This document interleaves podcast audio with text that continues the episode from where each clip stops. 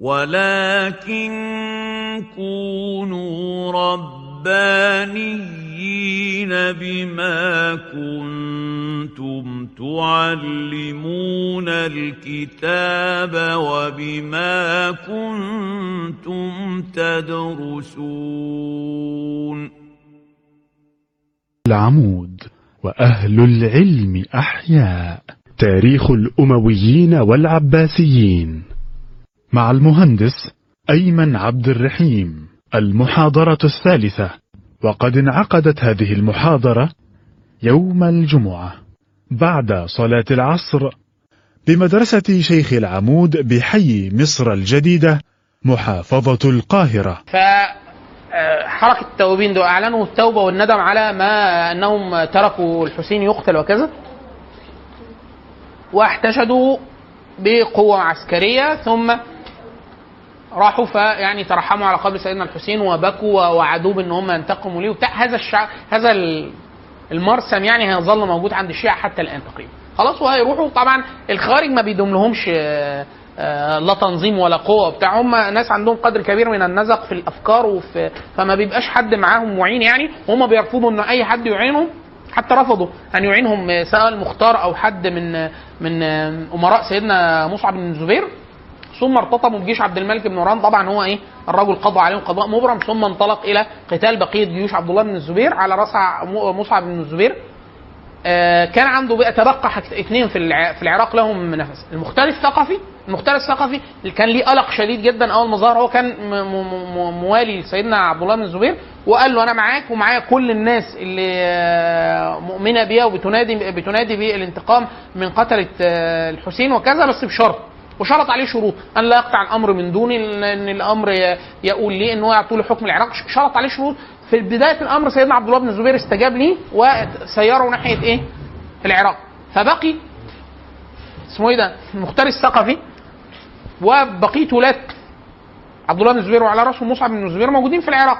فأول ما ارتطم في بداية الأمر عبد الملك بن مروان بالمختار الثقفي في بداية الأمر جيوش المختار الثقفي نجحت وكان ليه قلق شديد لأنه بدأ يتتبع قتلة الحسين على رأسهم قاتل الحسين اللي هو عبد الله بن زياد أمير يزيد على العراق في هذا الوقت. فارتطم معاه مع- في معركة مشهورة في العراق وقتلوا وأفنى جيشه. فالرجل في في في أعين الناس قد وعيت وعدت فوفيت. أما قتل الحسين فتعقبهم وأما قاتل الحسين نفسه عبد الله بن الزبير فقتله وحز رأسه. فأنا كده إيه؟ كده مظبوط فتعاظمت قوته فظهر إن هو خطر نفسه على قوات سيدنا عبد الله بن الزبير وهو أراد الرجل إن هو إيه؟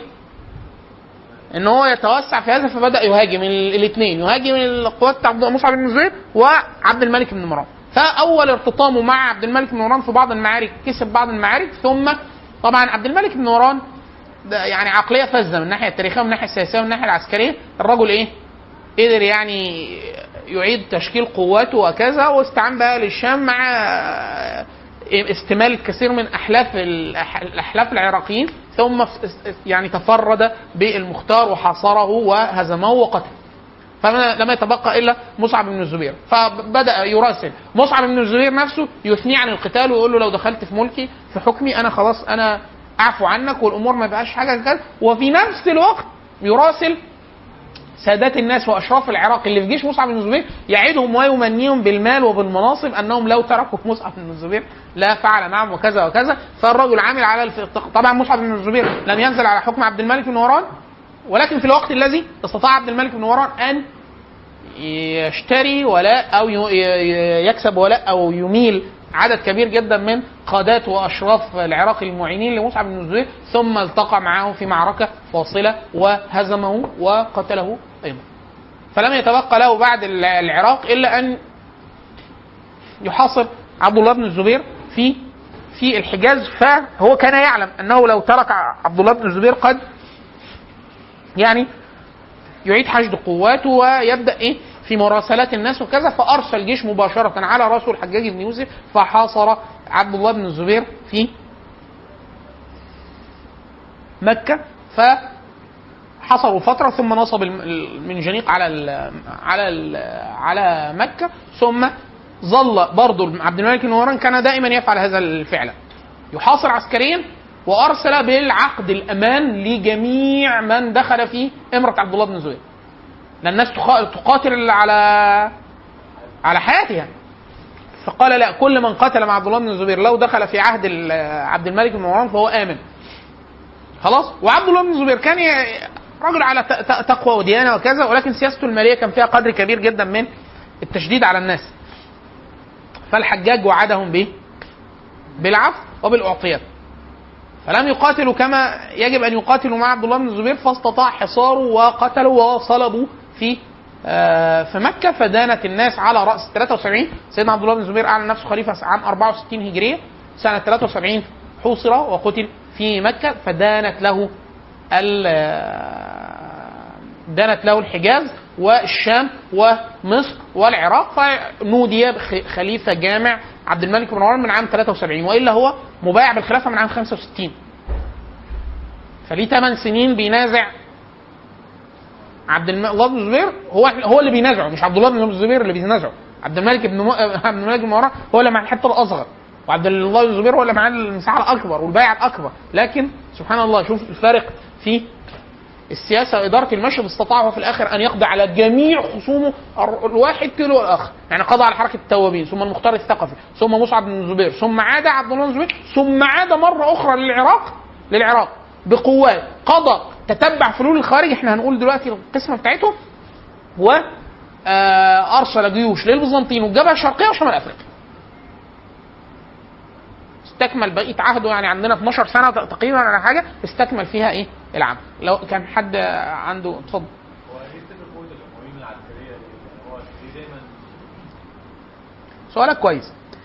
ال- الشام دايما يقولوا إيه؟ الش- الشام هواه أموي. سيدنا معاوية بيحكم الشام من خلافه سيدنا عمر بن الخطاب. فحكمها عشر سنين. الشام لا تعرف اميرا إلا معاوية. خلاص؟ فالفلوس ووجوه الناس والقبائل والعسكر والجند والنظام في إيد سيدنا معاوية. ثم استمر 12 سنة أمير للشام واسع السلطات أوسع من وقت إمارته في عهد عمر في عهد عثمان بن عفان. فكده بيحكمها ليه كام سنة؟ 22 لو في طفل ولد صار رجلا لا يعرف لا يعرف اميرا في الشام إلا معاذ بن سفيان ثم بويع علي بن أبي طالب بالخلافة فهو بويع بالخلافة في الشام. حتى قتل علي بن أبي طالب لمدة خمس سنوات. فكده معانا 27 سنة الشام لا تعرف إلا معاويه بن سفيان. ثم بويع بالخلافة لمدة 20 سنة. فالشام لا تعرف إلا معاوية ابن أبي سفيان اميرا ثم خليفة. لمدة كام سنة مولانا؟ 20 و و27 يبقى كام؟ 47 سنة. إن القبائل مراكز القوة الت- الاتصالات النفوذ الجند الضبط هيئة الدولة الدواوين خاضعة لرجل كده إحنا ما بنتكلمش على معاوية بس إحنا بنتكلم على معاوية والبيت الأموي. فأي حد بيتحرك جوه البيت الأموي بيتحرك على شبكة من العلاقات شبكة من العلاقات والنفوذ. عارف زي بالظبط دلوقتي لما نجيب حد من السلطة؟ كان في السلطة ونقول له اجري تليفوناتك. يرفع سماعة التليفون يقول له هو مين اللي بيعمل فلان؟ مش عارف. لو جبت واحد من بره السلطة أو ما أعرفش مين بيعمل إيه بي...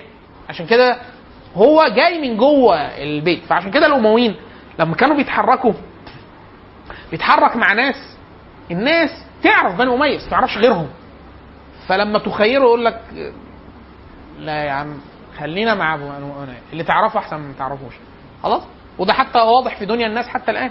لما بيجي حكم جديد صعب جدا إن حد يعني إيه الناس ميالة للإيه لشبكة العلاقات والاتصالات القديمة لأسباب مصاهرات وأموال ونفوذ. بس يعني العراقيين كان عندهم نفس الفرصة برضه مع سيدنا علي. وسيدنا علي طبعا لا.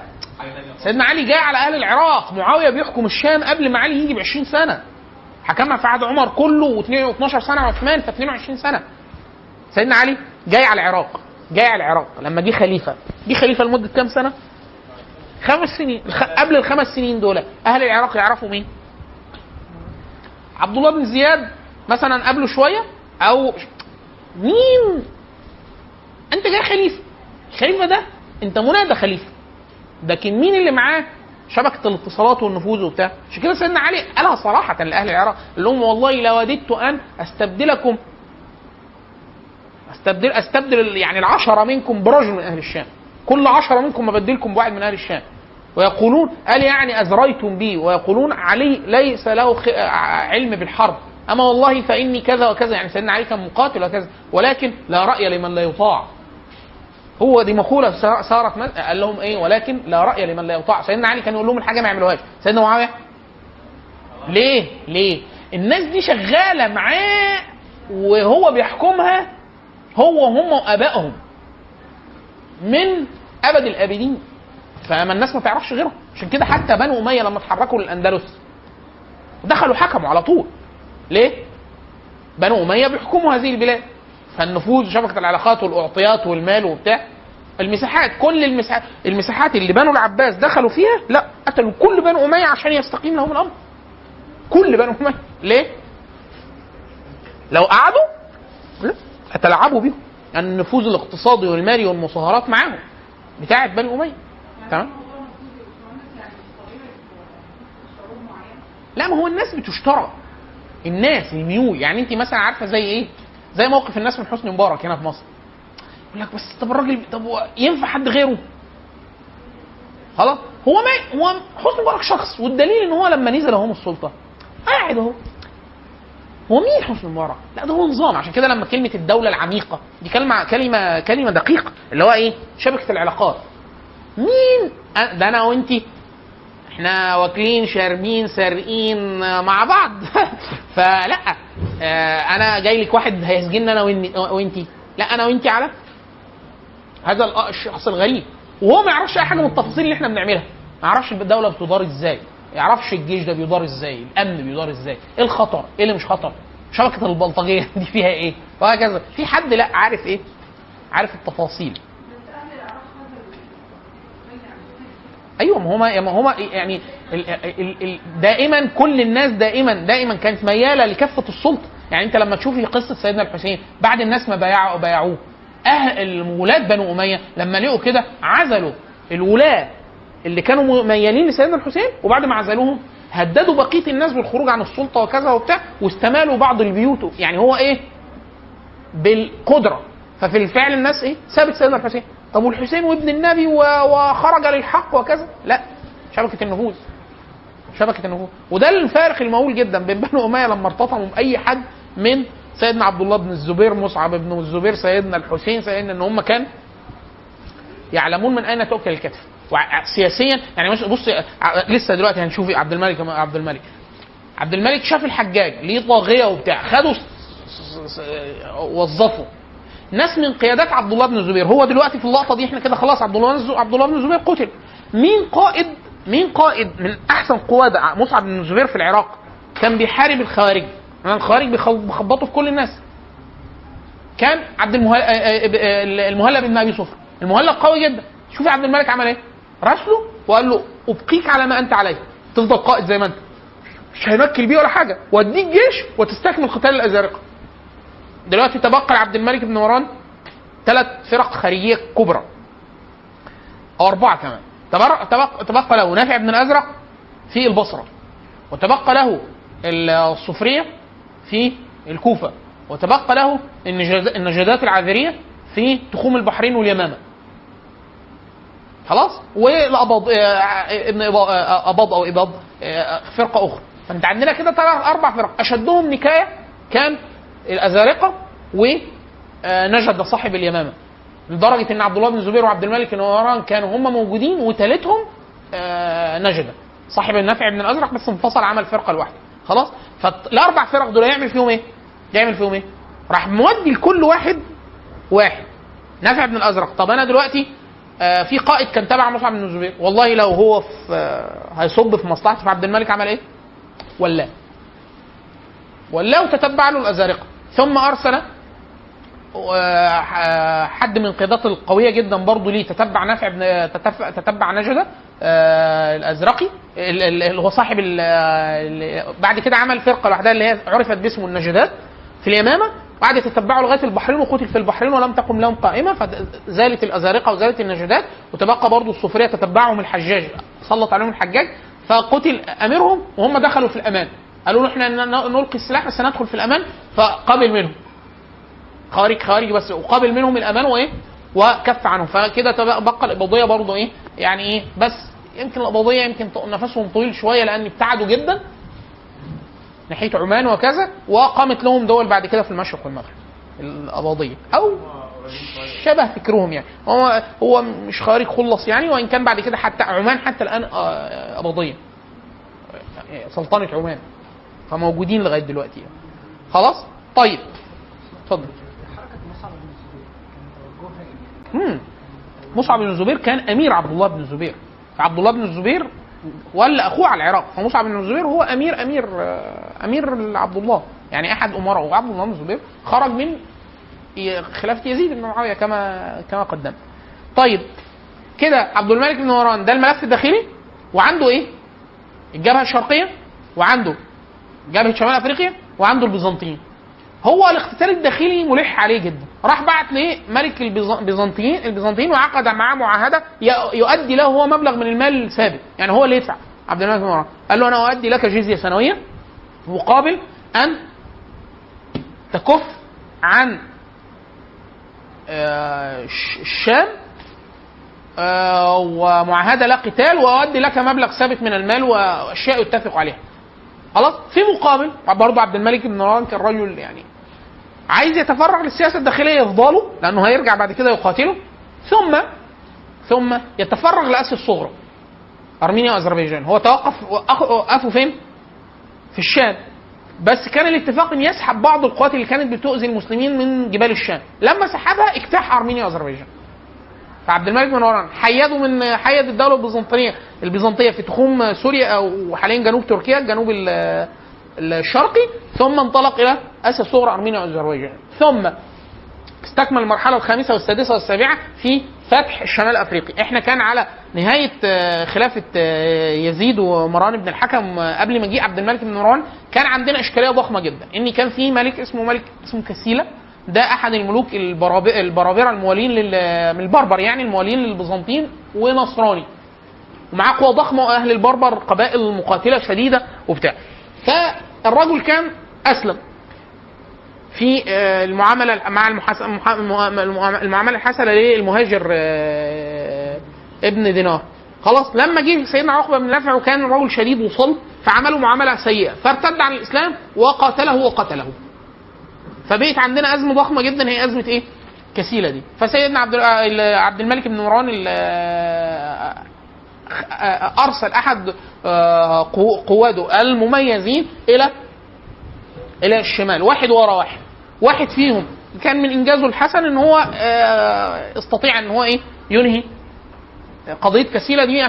دخل معاهم في معارك ضخمة وق- وقتله فيعني آه، خمدت هذه الفتنة. المشكلة إن هو ما لبس أن فعل هذا آه، آه، إلا أن قتل في بعض المعارك. فعبد الملك بن مروان سير لهم آه، آه، أظن حسان بن النعمان من برضه من القاده الأشداء للأمويين. المشكلة إن هو أول ما راح هناك لقي حاجة جديدة تماما. هو كانت الخطورة هناك منين؟ من البربر والبيزنطيين. خلاص؟ وجد أمر غريب جدا. امرأة هناك من أصول يهودية تدعى الكاهنة. اجتمع عليها عدد مهول جدا من الناس يؤمنوا بهذه المرأة. من البيزنطيين والبربر وقبائل ضخمة جدا على قتال المسلمين. واجتمع لها عدد من الناس عدد مهول جدا.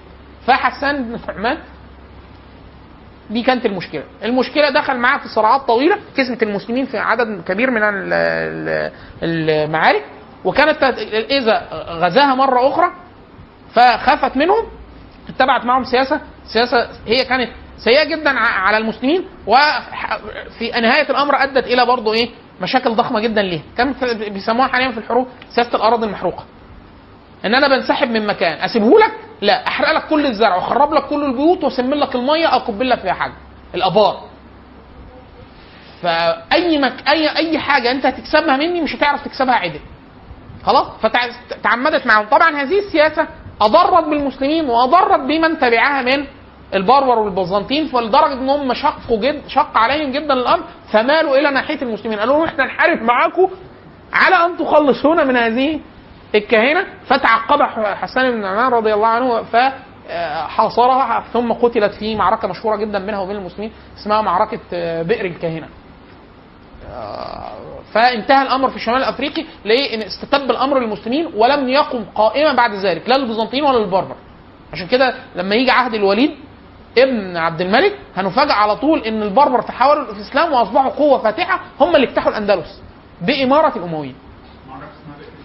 بئر الكاهنه دي اللي اللي قت- قتلت هي فيها بإمارة آه، حسان بن نعمان. تقريبا على رأس آه، رأس نهاية خلافه يعني هو عبد الملك آه، استخلف من 65 لغاية 86 86 هجري. أظنها ماتت على رأس أتأكد لك من التاريخ. ماتت على رأس ال على رأس ال على رأس خلافة آه آه، لا قبله شوية. قبله شوية. خلاص؟ فالجبهه الشرقية على 82 تقريبا أو حاجة زي كده. فال- في عهد عبد الملك لما وصل لغاية نهاية الج- الجبهة الشرقية تبقى له إيه؟ لما قضى على الكهنة. خلاص البربر والبيزنطيين، البيزنطيين أول ما الأمور وضحت راحوا أرسلوا أسطول ضخم جدا. طبعا أهم ميناء في هذا الوقت في هذه المنطقة المسلمين كانوا لسه يعني إيه ما عملوش شبكة المدن الجديدة كاملة كانوا لسه في حالة كر وفر دائم وقتال مع الجموع البربرية والبيزنطيين الموالين ليهم الاسطول ده نزل على قرطاجنه خلاص؟ لا قرطاج أو قرطاجنة في هذا الوقت. وكان في ميناء مهم جدا حتى بالنسبة للروم. راحوا المسلمين. سيدنا حسان لما أدرك الموضوع ده فقال لك إيه؟ هم كل مرة كده السواحل الروم يقدروا ينزلوا عليها بسهولة جدا. راح عزم على أمر فدمر قرطاجنة ودمر الميناء الأساسي اللي فيها. دمروا جابوا على الأرض. وأنشأ مدينة جديده اللي هي تونس. دي من المنشآت المسلمين. زي سيدنا عقبة بن نافع لما عمل القيران حسان بن النعناع راح مدمر آه، راح مدمر القرطاجنة لآخر نزول ليهم سنة 82 بأسطول ضخم وبتاع. تعب جدا المسلمين لأن اضطروهم إلى الجنوب. كل مرة لما الروم كانوا بيهاجموا كان المسلمين بيضطروا للجنوب. فراح دمرها لهم بحيث ما يقدروش ينزلوا عليها أي حاجة تانية بحيث يقدر يتحرك إيه؟ في يكمل الشمال الأفريقي دون خوف من من الاجتياح الساحلي من قبل البيزنطيين. خلاص؟ كده اكتمل الش- الشمال الأفريقي قرب قرب وفاة عبد الملك من ورا كان الشمال الأفريقي استتب تماما يعني وصلوا لغاية سبته أمن تماما المغرب الأقصى كانوا لسه بقى بالمناقشه كيف أو هل من مصلحة المسلمين أو هل يستطيع المسلمين عبور المضيق اللي هو يعرف بعد ذلك بمضيق كما طارق قديما باسم آه، أعمدة هرقل إن هم يروحوا شبه الجزيرة الأيبيرية في عندهم قدرة ولا لأ؟ وخاصة إن أمراء القطر الغربيين كانوا موجودين ويعني مستقرين ولهم جيوش وكذا. فكان ده الاستشكال في آخر حياة عبد الملك بن مروان لم لن يبدأ تبدأ الحركة ناحية الجزيرة إلا في مستهل خلافة عبد آه، خلافة الوليد بن عبد الملك. ال- ال- استكمالا لل- لل- للجبهه ال- المشرقية كان هو عبد الملك بن مروان سير عليهم الحجاج ومن تحته المهلب آه، يقضي على ال- ال- الخارج الازارقه لما انتهى الأمر كان بدأ يفكر الحجاج في التوسع في الجبهات الشرقية برضو ده لم يحدث بشكل يعني بدايات بدايات ال- ال- ال- الحركة هناك حصلت في, أواخر عهد عبد الملك لكن كانت حركات هامشية لن.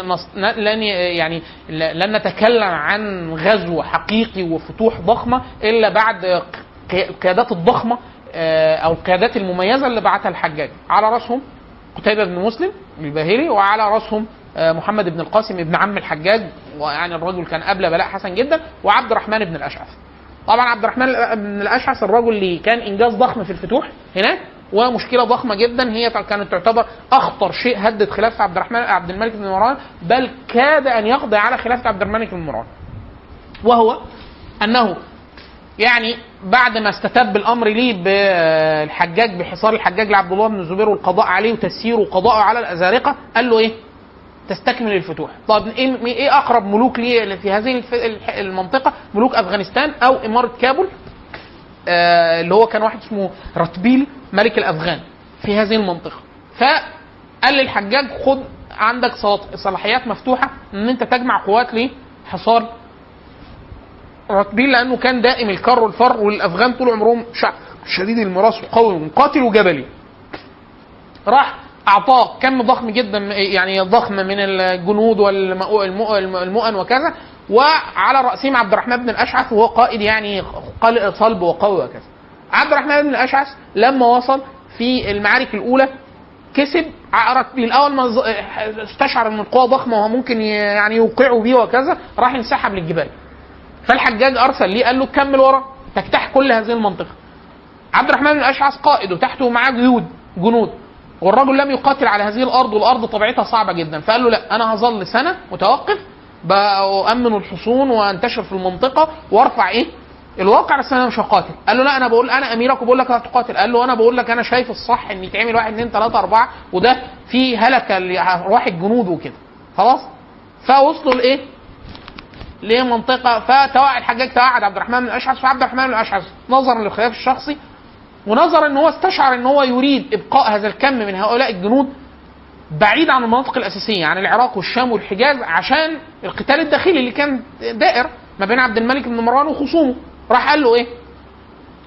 قال له لا أنا هعمل ده أنا هعمل ده عجبك أو ما عجبك. ثم يعني بدأ يستميل الناس قال لهم الحجاج بصوا سيرته الدينية شكلها إيه؟ أما الرجل فيقتل الناس والديانة سيء وبتاع مش عارف إيه فلو تطيعوني نخلع بيعة عبد الحجاج. ونرجع نقاتله ونقتله ونريح الناس من شر ومن خروجه على الديانة وبتاع. فاطاعه معظم الناس ودخل في إمارة عبد الرحمن الأشعث كثير جدا من التابعين وأهل العلم في العراق. فعاد كارا مرة أخرى على الحجاج وارتطم بيه في أول معركتين كسبهم وحتى اضطر الحجاج للانسحاب خوفا من أن يستأصل هو وجيشه.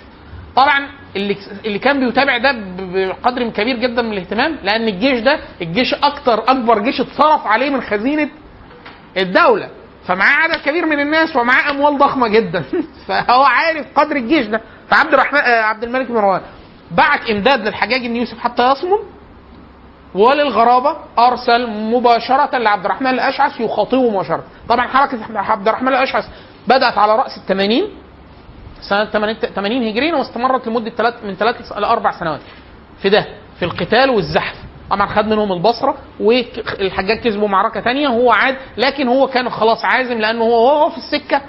ولما داق الانتصار على الحجاج مرة واثنين قال لهم يا إخوانا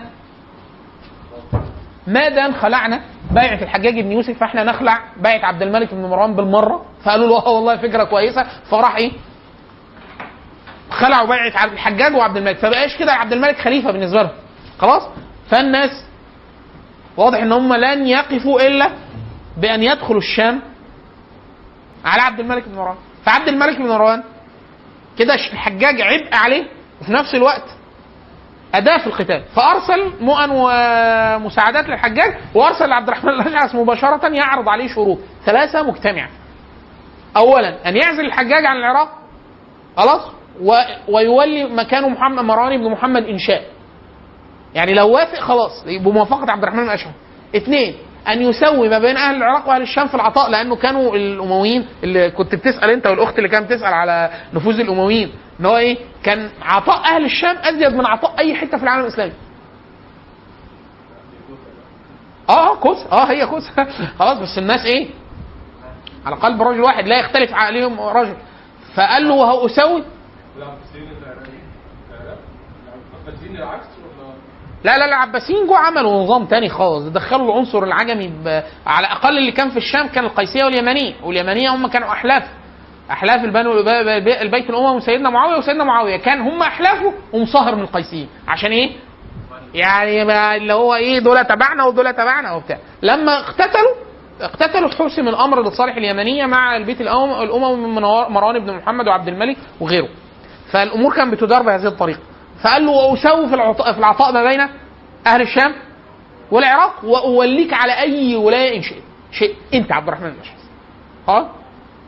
فعبد الرحمن بن الأشعث الرجل قال لك إيه؟ ما دام الخليفة عرض عليا هذه الأمور يبقى أنا في موضع قوة وهو في موضع ضعف. ده هو بص بيعرض عليا إيه؟ ده أنا ولاية ويعزل لي الحجاج اللي مطلع عينيا. يعني أنا كده خلاص مش خايف من حاجة. وكمان هيوليني. يعني أنا مش. مش هأعزل ولا حاجة. وهيوري وه... وأهل العراق هيساوى بينهم وبين العطاء. يبقى أنا كده بطل. في وسط في, في, في أنا مش حررتكم قلت لكم حقكم. فقال لا. فرفض عرض عبد الملك بن مروان واستكمل القتال مع الحجاج. طبعا الحجاج كان بيقاتل قتال, اليائس لأنه لو مسكوه كانوا هينفخوه. خلاص؟ وعبد الملك رمى بكل حمله المؤن والعتاد وبتاع مع الحجاج. للغرابة. دارت الدائرة على عكس ما أراد عبد الرحمن بن الاشعث الحجاج كسبه في معارك معدودة بعد كده ثم حاصره ثم شتت جيشه ثم أعلن بأمان للناس. كل من عاد فبايع عفي عنه. فلم يتبقى إلا عبد الرحمن الاشعث في اعداد قليلة فلجأ عبد الرحمن الاشعث في هذه الوقت لما استشعر الأمر يعني يضيق عليه فعقد صلح مع رتبيل ملك الأفغان ملك الكابل وقال له أنا لو حصل معايا حاجة هنا هلجأ إليك كمان لجوء سياسي. فقال له ماشي. فلجأ إليه لما اضطره الحجاج, في المعارك ثم أرسل الحجاج بن يوسف لرتبيل قال له تسلم لي عبد الرحمن الاشعث ولك ما ما تريد فرتبيل عزم على تسليم تسليم عبد الرحمن بن الاشعث ليه؟ الحجاج فانتحر ألقى نفسه عبد الرحمن بن الاشعث من على القصر اللي كان اللي كان مسجون فيه ومات بنهاية عبد الرحمن بن الاشعث مقتل عبد الرحمن بن الاشعث تقريبا لم يتبقى أي قتال داخلي مهم بالنسبة عبد الملك بن مروان طبعا الحجاج بن يوسف طبعا يعني بنهاية ده الحجاج بن يوسف صار هو الحجاج بن يوسف. يعني طبعا الفتنة انتهت. سموها فتنة عبد الرحمن بن الاشعث خروجه انتهى 83 على رأس 83 84 عبد الملك بن مروان آه، ظل خليفة لغاية 86 وابنه الوليد 10 سنوات. بعد كده هو مات في خلافة الوليد في نهاية خلافة الوليد آه، الحجاج. آه، أسطورة الحجاج صنعت بهذا إن هو غير قابل للإيه؟ يعني حارب خوارج كسب، حارج الزبير كسب، حارج الكفار كسب، عبد الرحمن بن الاشعث جيشه هو نفسه كسب. والراجل إيه؟ ماشي زي الحلاوة. يسكت؟ لا. هو أعلن أمان. كل الناس دخلوا على الحجاج. كان ينظر إلى الرجل فيقول تشهد على نفسك بالكفر ابتداء بخلعك لبيعه الحجاج وبيعه عبد الملك بن مروان فإن شهدت على نفسك بالكفر نطقت شهادتين ثم دخلت في العهد الجديد فمن رفض أن يصل نفسه بالكفر قتل بالسيف. فكان الحجاج بن يوسف قتل يمكن آه، عشرات الآلاف من الأنفس في هذه المقتلة. دخل عليه أناس عفى عنهم لما كلموه كلام حسن. سيدنا الإمام الشعبي المحدث كان خرج على الحجاج ولما دخل عليه وكان الحجاج بن يوسف بيعامله معاملة حسنة وبيكرمه وبتاع. فأول ما شافه يعني تحفز ليه قال له آه كيف وجدت الناس من بعدنا؟ آه عملوا لك إيه الناس اللي أنت خرجت معاهم؟ استفدت حاجة؟ فقال له عز الله الأمير فتنة لم نكن فيها فجرة أقوياء ولا برره أتقياء. قال صدقت. لم تقوا إذ فجرتم. يعني لما أنتوا فجرتوا ما كانش عندكم قوة كافية إن أنتوا تخلعوني من الحكم. قالوا نعم قالوا قال صدقت لم تقوا إذ فجرتم ولم تكونوا في إعداد البرة الأتقياء. يعني حتى كمان ما قعدتوش قاعدة صالحة كده و- وتركوا لما قال له الحجاج كان بليغ والكلام البليغ المختصر كان يعجبه وسابه ما عملوش حاجة. وفي أناس دخلوا على الحجاج رجل كبير في السن وبتاع قال له أنت كنت فين؟ في الفتنة. قال عبد الله الأمير لم أقاتل. أنا لم أقاتل مع عبد الرحمن الاشعري بس أنا جاي اجدد البيعه قال له ويحك وتركت أميرك لم تقاتل عنه. يعني أنت كنت سايبني أنا بحارب العادي وما جيتش تحارب معاه. قال له طب ما كان في قتال وبتاع. قال له لا تشهد على نفسك بالكفر وبعد كده تشهد الشهادتين وتدخل في العهد. قال له لا والله بعد أن شابت لحيتي في في قول لا إله إلا الله أشهد على نفسي بالكفر وقتلوا. وفي أناس كان الحجاج نفسه يق- يقتلهم. بس هو أمان أمير المؤمنين عبد الملك بن مروان قايل الناس تستأمن بس الحجاج إيه؟ حاطط لهم إيه؟ شرط الكفر ده. فشاف واحد فابتسم حاجة قال له أنا أرى رجلا لا يشهد على نفسه بالكفر أبدا. قال لا بل أنا كافر ابن كافر. قال له لا يا أخويا إحنا عيلة كفار من زمان قوي قال له أنا كافر وأشهد أن لا إله إلا الله اشهد قال له تشهد على نفسك بالكفر؟ قال له آه أشهد على نفسي بالكفر. وأشهد الشهادتين تاني وأدخل في عهد أمير المؤمنين وأبايع وخلص خلاص؟ ف وانتهى ال- وانتهت الأمر بس بعد أن قتل عشرات الألاف من الأنفس المعصومة وقتل كثير من العلماء وعلى راسهم سيدنا سعيد بن جبير يقول الحسن البصري قتل سعيد بن جبير وهو وكل أهل الأرض آه، في حاجة في حاجة إلى علمه. يعني كان من آه، من أعلم أصحاب سيدنا عبد الله بن عباس. كانت هذه الفتنة يعني يعني عملت ضجة شديدة جدا كان لها أثر بعد كده في خلل في اعتقاد المسلمين يعني دايما يق- يقال في أهل التراجم السير يقولوا لن يظهر الإرجاء إلا بعد هزيمة عبد الرحمن بن الأشعث اللي هو ده إن الناس قالك بس خلاص يا أخوانا الأمويين دول عاملين زي الخفاش اللي لازق في الوش. فداعي الملك للمالك ولا خروج ولا أمر معروف يعني إيه هم مش مسلمين آه مسلمين يبقوا مسلمين صالحين وخلاص وسيبهم وداعي الأحكام دي عند الله عز وجل في الاخره خلاص؟ اللي هي عدم الخروج على الحاكم الآخر لا ده ده إجماع متأخر. إجماع متأخر. وإلا الصدر الأول زي ما أنت شايف. ما فيش سنتين في التاريخ الإسلامي إلا ما في حد خرج على خليفة. عبد الله بن الزبير والحسين وأصحاب النبي صلى الله عليه وسلم الأنصار في المدينة على يزيد بن معاوية. لا لا بس هم دايما بيقولوا إيه؟ بيقولوا أصل ده ما من شيء ما دام الموضوع وصل لهذا الشيوع إلا وليه سبب منطقي، إيه السبب المنطقي؟ ان هو يقول لك إحنا ما لقيناش ولا واحد خرج وفلح. ولا خرج يريد أن ينكر منكر. وأصاب آه، ما أراد. بل أدى إلى منكر أنكر منه. لكن التدقيق مفيش مرة يقول لك لا يمنع. يقولوا لا. يقولوا لو متغلب يخرج عليه عادي. خلاص؟ مع القدرة. لو تقدر. تحسبها حسبة صح كده عشان ما تلبسناش معاك في الحيطة. يا تظبطها يا تقعد على حيلك. عشان كده قال له إيه؟ قال له عز الله الأمين فتنة لم نكن فيها. فجر فجرة أقوياء. ولا بررة أتقياء فقال له صدقت لم تقوى إذ فجر مش أنتوا فجرتوا؟ آه. طب ما فين؟ طب ما تعمل الصحيحة بقى يعني خلاص افجر لا ما فجر ما قدرش ما قدرش. عشان كده ده إحنا بنقول إيه؟ إن هي الف- شرط القدرة. كتير جدا في الفقه الفقهاء يقول لك إمارة المتغلب هي مش إمارة شرعية؟ طب أمال إيه اللي يحصل؟ لو جاله حد نكد عليه حي هلا بس بشرط القدرة. يعرف يشيله. مش هتعرف تشيله سيبه. اقعد كده على حالك لغاية ما يجي له مصيبة تاخده. خلاص. آه، لا في يعني في نزاع أصلا ما بين المذاهب يعني. قرشية. آه. في ناس بيقولوا إن هي مجرد العصبية. يعني هو شيء آه، سياقي وليس حكم عام ليوم الدين.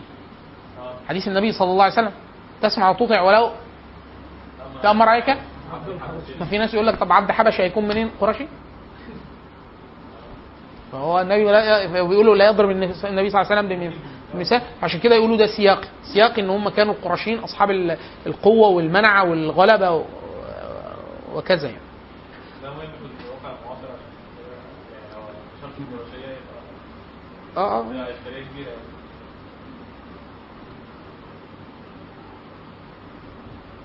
هو هي في التاريخ المعاصر إحنا مش مش بننازع في القرشية إحنا بننازع في الإنسانية. إحنا بننازع في الإسلام. أصلا يكون مسلم مش قرشي. لا مسلم في الأول وبعد كده نشوفه. ده يكون قاسي وما يكونش مضطرب نفسيا ولا عقليا. يعني نشرط شروط سيكولوجية يا فندم دلوقتي. يقول لك ما يكونش معاه شهاده يعامل معاملة الأطفال. ويعني دي حاجات بتدخل المفروض تخش في المتون ما يكونش عبيط. ما يكونش يخلو من العبط والنزق والسفاهة. حاجات زي كده يعني. يكون مسلم. الشيخ كشك الله يرحمه كان يقول نريد الطبيب المسلم الصيدلي المسلم المهندس المسلم المفتي المسلم. من اللي شافه. نرجع تاني. خلاص. فعبد الملك بن مروان الرجل استتب له استتب له الأمر في الداخل. ملاحظات مجموعة على عبد الملك بن مروان ثم ننتقل من خلافه. الرجل في ظل هذه الظروف يعني هو عنده اقتتال داخلي عمل معاهدات خارجية وغزو في الجبهة الشرقية وغزو في الجبهة الشمال الأفريقي وغزو في آسيا الصغرى وصك الدينار الإسلامي. حتى ملك الروم نكاية فيه لما بيقول له أنت بتبعت لي جزية سنوية ذهبية. بعتها له من الدنانير الإسلامية الأموية المضروبة. باسم عبد الملك. عايز يقول له إيه؟ إن أنتوا طبعا الروم كان لهم سطوة اقتصادية على المسلمين بسبب إن الدينار بتاعهم الفلوس اللي بتبيع الدراهم والدنانير اللي المسلمين بيتاجروا بيها بتاعتهم لغاية عهد عبد الملك بن مروان.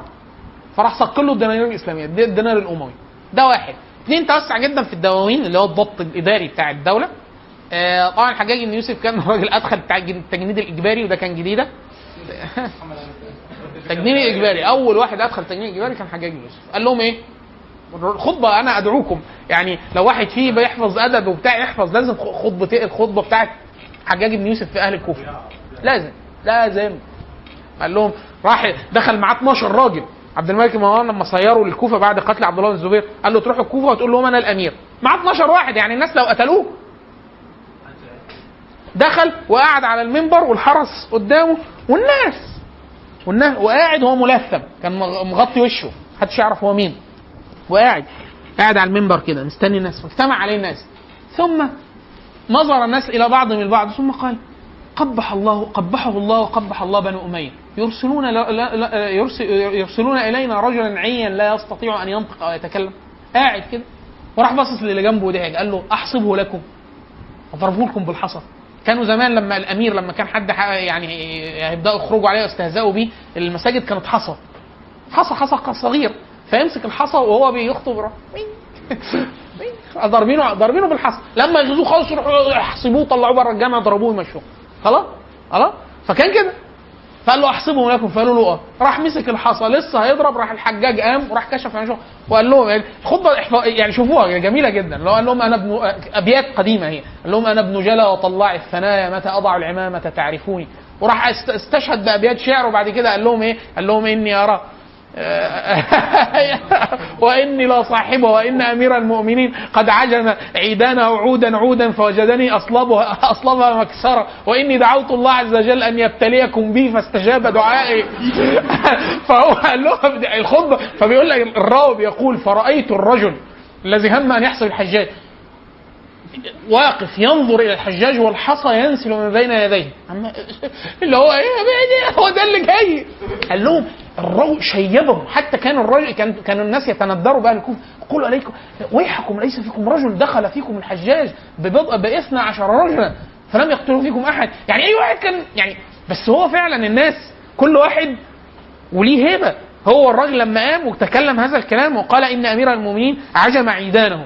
مسكهم عود عود. فوجدني اصلبها مكساه ف- و و و وإني دعوت الله أن يبتليكم بي. فاستجاب دعائي. قال لهم أنا قاعد أدعو في الصلاة يا رب ابتلي أهل العراق بيا يا رب أخذكم أنا. وقعت في قرعتي أما والله إن يا أهل العراق أصحاب الايه الفتنه والنفاق. آه وقد ضرب الله عز وجل لكم مثلا في كتابه ضرب الله مثلا قرية كانت آمنة مطمئنة فكفرت بانعم الله فأذاق الله. قعد يقول لهم كده كده وفي الآخر قال لهم وإن أمير المؤمنين. أطال الله بقاء أمرني بأن أعطيكم أعطياتكم. جاي مش هيقطع من رواتب ولا حاجة ده يديكم الاعطيات وهو بيتكلم لما قال للراجل قال له يعني هو باعت خطابه قال لي قال لي إن أنا أديكم رواتبكم. فقال له اقرأ عليهم الكتاب. فقال من أمير المؤمنين عبد الملك بن مروان إلى أهل إلى المسلمين من أهل الكوفة. واستكمل كلامه. فالحجاج قال له إيه؟ على رسلك أو اسكت. قال له يسلم عليكم أمير المؤمنين. فلا يرد عليكم آه، فلا يرد منكم أحد. والله لو أدبنكم غير هذا الأدب. إن هذا الأدب أدب ابن نهيه يعرض سيدنا مصعب بن عمير أمه اسمها نهية. مصعب بن عمير كان ليه أمير اسمه عبد الله بن خازم. عبد الله بن خازم هو أو مصعب بن الزبير أمه كان اسمها نهية. فقال لهم إن هذا لأدب ابن نهية. الأدب الذي أدبكم أي سوء الأدب مع أه- مع ولاة الأمور. قال والله إن هذا لأدب ابن نهية. والله لأؤدبنكم غير هذا الأدب. أعد عليهم خطاب أمير المؤمنين. فلما بلغ قوله السلام على من حضر منه فسلم عليه أهل المسجد جميعا. ثم قال والله من وجدته اسمه في ديوان الجند عمل لهم ديوان. تجنيد إجباري. كل واحد يستطيع القتال يدرك اسمه. فوالله من وجدته بعد ثلاث أيام اسمه في ديوان الجند. قد أخذ عطاءه ولم يخرج في بعث المهلب ضربت عنقه. ثلاث أيام تاخد راتبك ثلاث أيام تخرج معاه بعث المهلب حتى كان كتب فيها أبيات شعرية اللي هو إيه يا تخرج يا قاتل تقاتل الزارقه مع الخ... مع المهلب يقتلوك يا تقعد في الحجاج يقتلك. قال له إيه؟ انجو سعد فقد هلك سعيد. يعني تروح مع دول يا راح دول. وهو قاعد في المسجد الحجاج. وهو بعد ما خطب الخطبة جاله رجل من الناس اسمه عمرو بن ضابط. قال له عز الله الأمير لي رجل لي ابن شاب قوي فأستبدله مكاني. فقال نعم الشاب أحب إلينا من من الشيخ. لا لا لا لا الحجاج كان لا أهل الحرب والسياسة ما يعملوش كده. هو عايز حد قوي يقاتل فقال له خلاص أنت تقعد وتجيب ابنك. فكان ولع صاحب شرطة. قال لهم ده صاحب الشرطة. فصاحب صاحب الشرطة قال له إيه؟ قال له عز الله الأمير هذا الراجل جاي يمشي. خلاص هو قال له خلاص هات ابنك. أيوه الشاب أحب إلينا من الكهل أو الشيخ أو العجوز. فقال له إيه؟ قال له عز الله الأمير هذا عمرو بن ضابئ. بعد ما قتل عثمان بن عفان رضي الله عنه دخلوا فضربوا ضربوا هو جثة. ضرب جثة عثمان بن عفان. قال علي بالرجل علي بالنطع والنطع كان فرش جلد بيوفر إذا ضرب عنق أحد حتى لا تنتشر الدماء وقتلوا في المسجد. قال والله لو أمرت أحدكم أن يخرج من هذا الباب فخرج من هذا حل دمه. فهو هو هو لا هو لا لا لا لا لا, لا الحجاج الحجاج الحجاج لازم لازم لازم لازم يدر بس شوفوا الخطبتين. شوفوا الخطبتين. خطبته لأنه هو بعد ما راح الكوفة خد الب... ولوها البصرة فخطب خطبة في البصرة. فشوفوا خطبة الكوفة وخطبة البصرة وشوفوا شرحهم لأنه هو كان فصيح جدا يعني قتله الله فكلامه عايز شرح وخاصة الأبيات وكذا. كان آه أيام أيام الدكتاتور كان راجل. لا لا لا لا لا. ده كان قتاله آه، ده كان مبيت مبيت آسيا من المغرب. من ايامهم من المغرب فعلا خلاص. لا هو الحجاج الحجاج. لا بس سبحان الله طبعا أهل أهل العراق في عهد عمر بن عبد العزيز مثلا كانت آه، ثمار العراق والعدل. لا العدل طبعا افضل من بس هو إيه؟ هو عليهم بالسيف. الحجاج لا لا لا كان حاجة صعبة. وأهل العراق يعني إيه؟ آه، أهل يعني إيه؟ خلط من زمان. هو جه قال لهم والله في الخطبة دي بتاعت الكوفة قال لهم والله وإنكم قد أحدثتم عقوبات آه، أحدثتم آه، يعني معاصي وقد أحدثنا لها عقوبات. يعني إيه؟ مش الحدود؟ قال لك لا. اللي يسرق يدفن حي اللي ينقب بيت يدفن حي اللي مش عارف. عادي اللي هو ما فيش. ونهى قالوا إياكم واياي إياي والزرافات والجماعات. محدش يمشي في مجموعات بعد العشاء لا لا لا ده فكرة قديمة. هو وزياد بن ابي هو زياد بن أبي زياد بن أبي رفع له رجل الروايه بتعرف الحجاج بتعرف زياد بن أبي وتصدق في الاثنين. زياد بن أبي قبل الحجاج وكان نفس الميراث. قال لهم أي حد يمشي بعد العشاء يقتل يقتل. فجابوا له واحد ماشي أعرابي ماشي. فقال له إيه؟ قال له أنت بتعمل إيه؟ قال له عز الله الأمير يعني كنت في البادية. أنا ما أعرفش إن أنت قلت كده. قال والله ما أراك ما أراك إلا صادقا. صح شكلك ما سمعتش. ولكن في قتلك مصلحة للمسلمين. قتلوا. قال له الناس يقولوا إن أنا نزلت كلامي؟ حجاج كان يقول إذا أقسمت أن أقتل رجلا لن أكفر لا أكفر عن يميني أقتله أسد. لا يصوم ثلاث أيام. ليه؟ ما نقتله أسد. لا لا لا لا لا هو لا لا هو يعني جه فعبد الملك بن مروان اختار يعني ما احسن ما اختار يعني. لم يسيره إلى شيء إلا وقد أنهاه. دعوه لا لا لا ده هو هو دعوة كذا حد يعني شوف أهل العراق ماذا فعلوا بالحسين و وأهل الكوفة وأهل البصرة وبتاع ربنا سلط عليهم حد يعني عياذا بالله عياذا بالله. ومرة اسمعهم بيكبروا. تكبير بس تكبير صوت عالي جدا. فطلعوا جمعهم لغير صلاة. قال والله إني قد سمعت التكبير الذي لا يراد به وجه الله. تكبير التخو... ته- تخوفوني. يعني أنتوا بت... بت... والله لو عارف المظاهرة الله حاجة كده. هو لو فإني والله كان خبير يا أخي خبير أمني ما شاء الله. لهم إني قد سمعت التكبير الذي لا يراد به وجه الله. قال لهم لا لو عملتوا كده تاني يعني أنا الكلام ده مش هعديه. لا لا هو كان كان كان يعني آه، طاغوت آه، مفتخر يعني. الشاهد نرجع تاني. فعبد الملك بن مروان واحد صك الدنانير الذهبية الإسلامية أول واحد. تعريب الدواوين. أول واحد حول الد- الد- الد- الدواوين الدواوين العربية هو عبد الملك بن مروان. فكرة آه، استتباب الشمال الافريقي كله كله للمسلمين. عبد الملك بن مروان. التوسع الشديد جدا في الدواوين. الدواوين والضبط الإداري داخل الدولة. عبد الملك بن مروان. خلاص؟ فنقدر نقول عبد الملك بن مروان هو المؤسس الحقيقي للملك بني أمية يعني مروان بن الحكم مش بنفس القوة. يزيد طبعا مش نفس القوة. عبد الملك بن مروان يعني نقدر نقول ان هو إيه حتى هو المفروض بعد عبد الملك مين الخليفة؟ عبد العزيز أخوه اللي هو أبو عمر بن عبد العزيز. ولكن عبد الملك بن مروان كان كل همه في آخر حياته إن هو كان عايز إزاي يقنع لأنه البيعة كانت لهم هما الاثنين عبد الملك وعبد العزيز. مروان أبوه.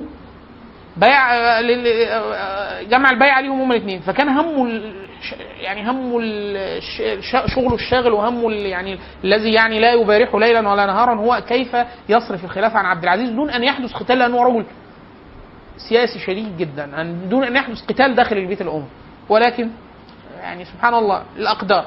مات عبد العزيز في حياته. ما هو عاش كتير حكم 20 سنة. فمات. فسهلوا عليه الأمر فجمع البيعه ليه؟ الوليد وسليمان من بعده معا. معا. وتوفي عام 86 ف آلت الخلافة بشكل سلم وسهل وبدون أي قتال داخل البيت الأموي للوليد هو اللي هو آه، آه، يعني تا- تاني أملك واحد من ملوك بنو أمية. و- وأطول واحد حكم آه، بعد أبوه. وإلا هيجي بعد كده حد بشكل مطول شوية اللي هو هشام هيحكم 20 تقريبا آه، 20 سنة أو 21 سنة زي آه، زي آه، عبد الملك. لحظة بس عشان إيه؟ كنت سايب الموبايل آه، صامت واحيانا بتحصل كوارث في الصامت دي.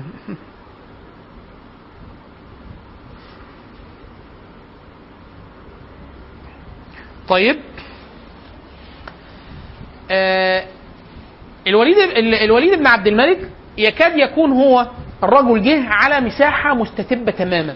يعني إيه مستتبة تماما؟ الاختتال الداخلي مفيش الحجاج بن يوسف نظف المنطقة دي كلها وبدأ الفتوح. الجبهة الشمال الافريقي يكاد يكون معبدة تماما. لا لم لا يتبقى ليها إلا ال ال ال- ال- الحركة ناحية أوروبا ان هم يخشوا أوروبا. فالجبهة المشرقية جاهزة؟ الجبهة الشمال ال- الشمال الافريقي آه، جاهزة. الجهز منطقة بلاد النهر المسلمين يعني إيه؟ قبل بلاء حسن فيها من أيام عبد الملك بن مروان فالرجل إيه؟ بدأ جيوش الحجاج بن يوسف اللي هي جيوش الوليد اللي هو قتيبة بن مسلم ومحمد بن القاسم بن عم الحجاج بن يوسف اجتاحوا هذه المساحه المساحة. محمد بن القاسم طبعا الرجل ينزاح في حتى نهر السند السند الشمال الغربي لشبه القارة الهندية. الرجل هذه المساحة كلها يعني آه، قبل بلاء حسن جدا فيها. قتيبة بن مسلم تحقق بلاد ما وراء النهر يعني اللي هو النهر إحنا بنتكلم عن النهر بنتكلم على جيحون. جيحون وسيحون اللي هم بيقطعوا بقى كثير من الدول على رأسهم حاليا الدول اللي موجودة دلوقتي أوزبكستان. أوزبكستان. خلاص؟ طبعا هي مساحة متنطوره أفغانستان أوزبكستان آه، ومناطق أخرى. خلاص؟ آه، فتح بخارى وحتت في أفغانستان وحتت في أوزبكستان. كان في عهد آه، في عهد قتيبة بن مسلم وأمراء الحجاج في عهد الوليد بن عبد الملك. أهم حاجة حصلت تقريبا في هذه المنطقة فتح سمرقند فتح سمرقند إيه المهم فيه؟ إيه المهم فيه؟ ان صناعه الورق كانت حكر على التقنية المتقدمة جدا في هذا الوقت عند الصينيين. فأحسن ناس بتعمل ورق واحد يقول لك إيه الورق ده؟ يعني الورق دي مهم؟ آه المعرفة عشان أنت كحضارة بتنتج معرفة شرط الانتقال الشديد للمعرفة الانتقال السريع جدا للمعلومات فلو أنا الكتاب بكتبه جلد يتكتب في قد إيه؟ حاجة كبيرة جدا خلاص؟ لو هي كده وبيطبع ويتجلد بسهولة. فالمسلمين في اجتياحهم لسمرقند مما وقع في ايديهم مصنع الأوراق اللي على التقنيه الصينيه في هذا الوقت. فده أول مرة المسلمين يرتطموا بالتقنية الصينية لتصنيع الورق مباشرة. في فتح سمرقند في علاء آه، في علاء دين قتيبة بن مسلم الكلام ده الفتوح في في أول آه، 86 يعني من 86 ل 90 في فتح بلاد ما وراء النهر. خلاص؟ فتح سمرقند له مصنع الورق. طبعا المسلمين عملوا حاجة لطيفة جدا. تقنيات صناعة الأوراق اللي خدوها دي كانت الأساس وبعض الأشياء المتعلقة بالورق عندنا في مصر وفي الشام أدخلوا الثلاثه مع بعض ثم صنع بعد كده الأوراق. طبعا إحنا قعدنا فترة نجيب الورق من بلاد ما وراء النهر.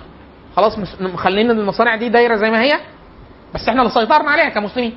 لا هو بعد كده إيه عرف التقانة وطورها ودخلها فبقى عندنا على مستهل الخلافه آه، مستهل خلافه بني العباس كان عندنا ثلاث مصانع مصانع ضخمة للأوراق بلاد ما وراء النهر والعراق ومنطقة أخرى وبأمر الخليفة ممنوع دخول الأوراق أوروبا. لأنه ده كان من الأسرار ال- التقنية اللي هي يعني إيه العالية جدا.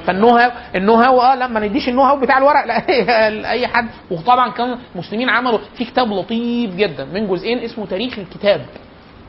تاريخ الكتاب. طبعا على معرفة الكويت. أثر تخ... تغ... صناعة الأوراق عملت إيه في المعرفة العالمية؟ طبعا الكتب بينا إحنا الكتاب يتكتب في المشرق ما فيش كام شهر ممكن تلاقي ليه نسخة في الأندلس. إيه السبب؟ آه مجلدين آه. تاريخ الكتاب. عالم معرفة الكويت. مش فاكر اسم المؤلف. في كتاب تاني في عالم معرفة الكويت اللي هو ال ال ما بين ال ال الآلة اسمه كده إيه؟ الآلة و الآلة والمعرفة الآلة وحاجة كده. اللي هو التتبع التقني من أول الكتابة للكتابة الحجرية للكتابة على الجلود والبردي للكتابة على الأوراق للمطبعة للإنترنت حاليا وال- والنصوص الإلكترونية. طبعا إحنا حاليا اللي العالم بيكتبه في يوم واحد أكتر من اللي كتبته البشرية. من ساعة ما قالوا يا كتابة. بسبب حديث صلى الله على محمد. من الأحاديث النبي صلى الله عليه وسلم في علامات القيامة. يقول النبي صلى الله عليه وسلم بين يدي الساعة يفشو القلم. ويفشو العلم. تعلم. قدر أي حد يقدر يتعلم. حتى إن المرأة والصبي والعبد وبتاع يستطيع أن يحفظ القرآن. دلوقتي أي حد في الدنيا ممكن تلاقيه جهاز قد كده معاه مكتبة ضخمة جدا لو معاه تابلت ولا آيباد ولا بتاع مش المصحف بس وحاجات كثيرة جدا. فالنبي في شو الكتابة؟ الكتابة حاليا الناس كلها بتتحول للكتاب كل الناس بتكتب. كل الناس بتكتب. فيسبوك والنصوص الشبكية وبتاع. في كتاب لطيف جدا كانوا عاملينه على الظاهرة ظاهرة الم- العالم المتحدث. كل الناس بتتكلم. اسمه المتحدثون طبعا المركز القومي للترجمة. على اللي هي فكرة إيه؟ كل الناس بتنتج نصوص يوميا يوميا يوميا. تمام؟ طيب. فالوليد بن عبد الملك آه، فتوح بلاد وراء النهر. زادت جدا. آه، آه، فتح سمرقند عمل نقلة ج- كبيرة جدا في تقنية صناعة ال- الأوراق. فتح فتح السند على إيد محمد بن القاسم. وصول المسلمين لتخوم الصين. الصينيين جابوا من قصرها. أول ما جيوش المسلمين وصلوا ليه؟ تخوم الصين. لسه هتفتح الصين؟ كانت المس... قتيبة وغيره كانوا عارفين إن المسلمين عشان يحتشدوا للصين؟ كان هياخد مجهود ضخم جدا. ليه؟ هم كل ده طلع عينيهم مع مين؟ مع ملوك الترك والأفغان اللي في المنطقة وقد عبدوه. يعني كل المعارك المنطقة الم- الوقت ده كله إيه؟ قتال مش مرة واحدة. ده بيقاتل. يفتح طخرستان يغ- يسيبها يخرجوا يرجع يقاتلهم يرجع يروح. قتال شديد جدا عشان استق... كل ده عشان يستقر لهم الأمر. الصينيين شافوا إن المسلمين لو اجتاحوا الصين هي إيه؟ هيعملوا فيهم زي الممالك الثانية فأرسلوا مباشرة لقتيبة بن موسى قالوا له إيه؟ قالوا إحنا عايزين نكلمكم. يعني دبلوماسيا يعني. قالوا لهم إحنا عايزين إيه؟ قالوا لهم تدفعوا تاخدوا كام؟ تاخد كام شير وما تخشوش الصين. قالوا تدفع تاخدوا قد إيه؟ وما تفتحوش الصين. ففرضوا عليهم جزية سنوية وبتاع قالوا لهم ماشي وما- تجوش. فتحركوا دائما على تخوم الصين ولم يدخلوا في قتال مباشر مع الصين. الصينيين مش هيكسروا هذه المعادلة إلا في سقوط الدولة الأموية. ومجيء العباسيين هيحسوا إن في خلل في الإدارة المركزية. فهيهاجموا طبعا بنو العباس سريع ما هياخدوا على الدولة الأموية وهيرجعوا يكسبوا الصينيين في معارك مشهودة فالصينيين هيرجعوا لحالة السلم اللي كانوا فيها ومش هيمدوا إيده تا- تاني على المنطقة دي. كانوا المسلمين طبعا هيلتفوا على الصين اللي هي الهند الصينية. هياخدوا السند وهيكملوا فتوح ال ال الهند بس بعيد عن الصين لأن المسلمين خلاص يعني إيه على العهد القديم والصينيين قال لك بلاش إيه بلاش دوش الدماغ لأنه واضح إن المسلمين ما فيش منطقة مملكة ارتطمت بها من الممالك القديمة إلا وسقطت. يعني الفرس وقعت ملوك الت- الترك وقعوا ملوك أفغان وقعوا ملوك الهند وقعوا. طب وليه؟ وليه نجيب لنفسنا يعني إيه؟ آه مشاكل. في ملاحظة تاني مهمة جدا ان آه على رأس خلافة الوليد نقدر نقول إن المنتج المعماري والحضري كان زاد جدا في العهد الاموي بل يكاد يكاد أكبر شهره للوليد في المراجع التاريخية بسبب بسبب المعمار. المسجد الأموي. حتى بنو. بنو العباس كان يقول لك إيه إحنا بنو بيننا وبين بنو أمية بنو أمية فروق لا نستطيع إن إحنا نوصلها. لا نقدر نعمل زي الجامع ده. واحد يقول لك إيه ده طب ما هم خلاص ما هم يعملوا زي. خلاص؟ لا لأن الأمويين عملوه على غير مثال. يعني تخيل أنت بتبني جوامع مين كان بيبني جوامع قبلك؟ ما فيش إحنا أول مسلمين ده إحنا لسه يعني إحنا مش مش مش مكملين ما كملناش 90 إحنا دلوقتي في 90 هجري ولا حاجة. فما فيش يعني ما فيش حضارة في الإسلام لسه إحنا اللي بنمشي إحنا في الفعل.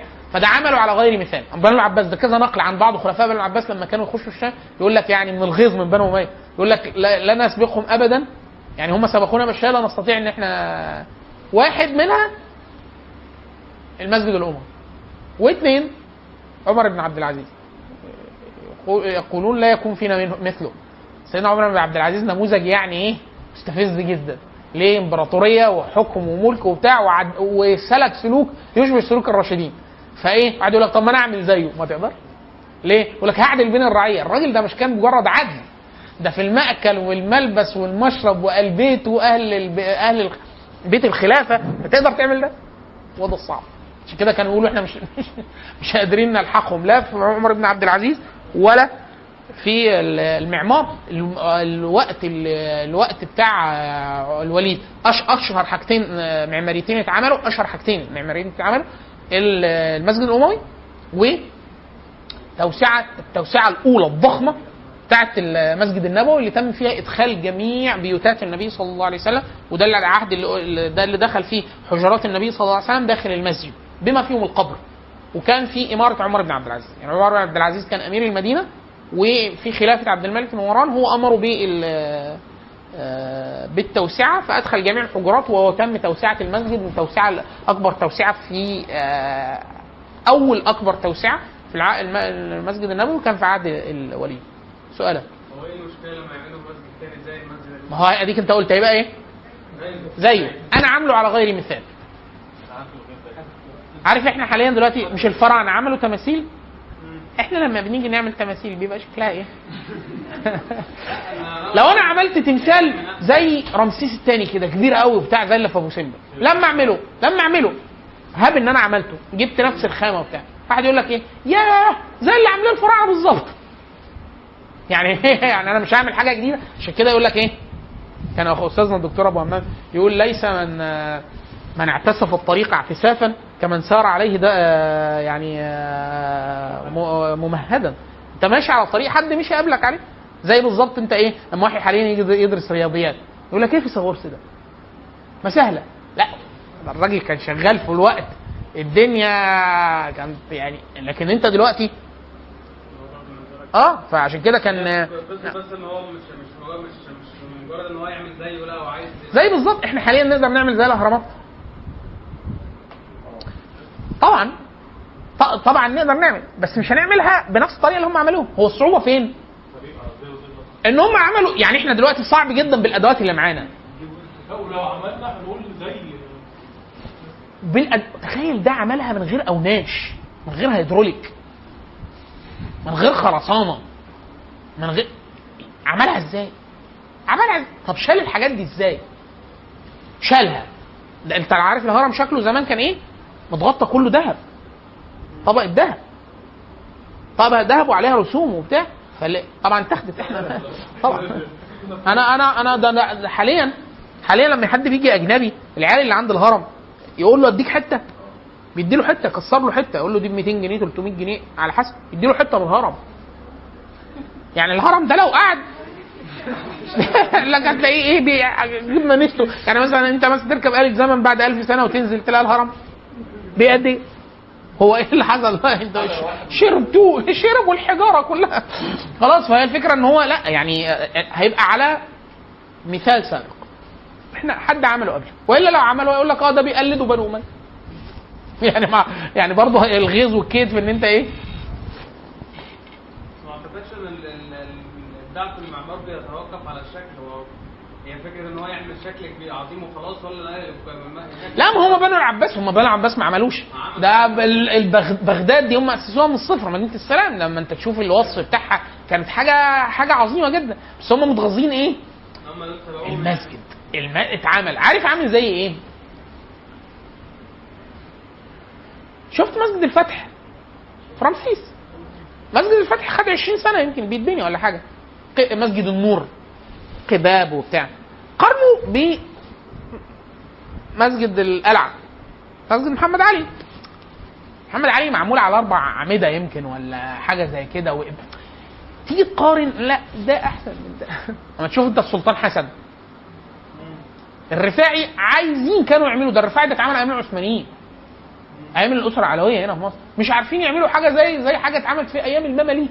طب ده مش معمول بخرسانة. ده حجر. وكام دور؟ في خمس ادوار اقامه للطلبه جوه السلطان حسن. ده أيام المماليك. فلا السلطان حسن آه، حاجة وهكذا. يعني هي الفكرة في, في ممكن يكون بقى ما في علم عند الامويين عملوا بيه لا لا لا لا. ما هو ان, إن انت لا أي علم هيتراكم هيتراكم. زي الأم الفراعنة. إحنا فعلا مش عارفين بدقة هم عملوا ده إزاي بس نقدر نعمله بأدوات تانية. يعني أنت حاليا دلوقتي تقدر تعمل آه، تمثال ال- الشمس تيجي على وشه في عيد ميلاده؟ أكيد تقدر تعمل. يعني أنت عندك ضبط حاسوبي تقدر تعمل ده. بس ساعتها هو مش الصعوبه إن أنت تعملها دلوقتي. هو عملها إزاي ساعتها؟ هو ده الصعب ده الصعب خلاص؟ طيب الوليد فبنقول برضو الح... الح... الح... الح... ال- ال- المعمار آه، ده المميزات. فتح بلاد ما وراء النهر. آه، آه، بداية غزو الأندلس. خلاص هم المسلمين أول ما الأمر استتب ليهم بدأوا إيه؟ هيبدأ في كلام على إن إحنا عايزين نعبر إلى الجزيرة. الجميل إيه؟ إن المسلمين كانوا بعتوا بعض العيون والجواسيس وبتاع عرفوا إن في في مشاكل داخلية. فممكن يستعان بيهم ضد بعض الملوك على بعض. دايما الإنسان اللي بيبقى نظره قصير بي بي بي بيجيب مصيبة لنفسه. استعانتهم بالمسلمين طبعا قضت على ملك القوط الغربيين بالكامل في ال- في الجزيرة. ليه؟ قال لك أنا أستعين بيهم فقال له آه أنا همهد لك نزول آمن في الجزيرة المعانية عشان تساعدني. طبعا هو ما نزلش ساعده بس. ده ساعده وخد البلد كلها. خلاص؟ دايما المستعين المستعين يقول لك كالمستعين كال- كالمستجير من الرمضاء بالنار طيب ال- ال- ال- الوليد استمرت خلافته تقريبا من من 86 ل 96 10 10 سنوات. ده مجمل ال- المجمل المجمل الأحداث اللي فيها. سليمان بن عبد الملك مبايع معاه في نفس البيعه أخوه. بعد وفاة الوليد طبعا في البيعه سليمان. كده سليمان هيجي يشوف بيعة جديدة بالاثنين طبعا بنو أمية كان مما احدثوه البيعة للاثنين اثنين فبيبايعوا إيه؟ لخليفتين ورا بعض عشان منعا للاقتتال داخل الأسرة. هم ليهم غرض هدف يعني. لكن آه ده اللي حاصل. سليمان تولى شاب يعني هو تقريبا كان حاجة 30 سنة حاجة 30 سنة. خلاص؟ وقعد تقريبا ثلاث سنين. ما طولش يعني.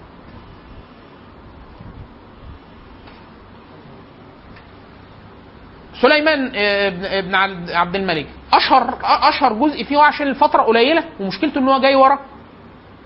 عبد الملك وجاي ورا الوليد. فالمساحة ال- آه، أكتر حاجة حصلت في وقته آه، زيادة التوسع في فتوح الأندلس حصلت في عهد سليمان. فكرة زيادة الدعوة والراحة الشديدة. حتى في ناس كانوا بينقلوا بعض النقول يقول لك إيه الناس على الناس على دين ملوكها شبه ملوكهم. فيقول لك أيام الوليد كانت الناس كلها مهتمة بالمعمار والبساتين والمش عارف إيه وبتاع. أيام سليمان سليمان كان مهتم جدا بالأكل والجواري والنساء وكده. فيقول لك كان أي حد يقابل أي حد في وقته فيقول له اشتريت جارية جديدة آه، جبت مش عارف إيه كلتوا إيه النهارده؟ هتاكلوا إيه بكرة؟ كده الناس مهتمة. يقول لك لما جه عمر بن عبد العزيز يقول لك الناس انصرفت للعبادة وطلب العلم والجهاد وبتاع.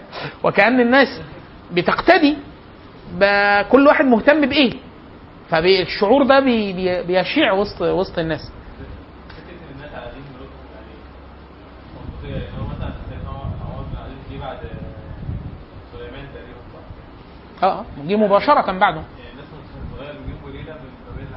بص يا مولانا فكرة التغير الناس طبعا ما بتتغيرش من يوم وليلة لكن لما الناس أنا رئيس المصلحة رئيس مصلحة هات هاتوا إن أنا رئيس مصلحة حكومية.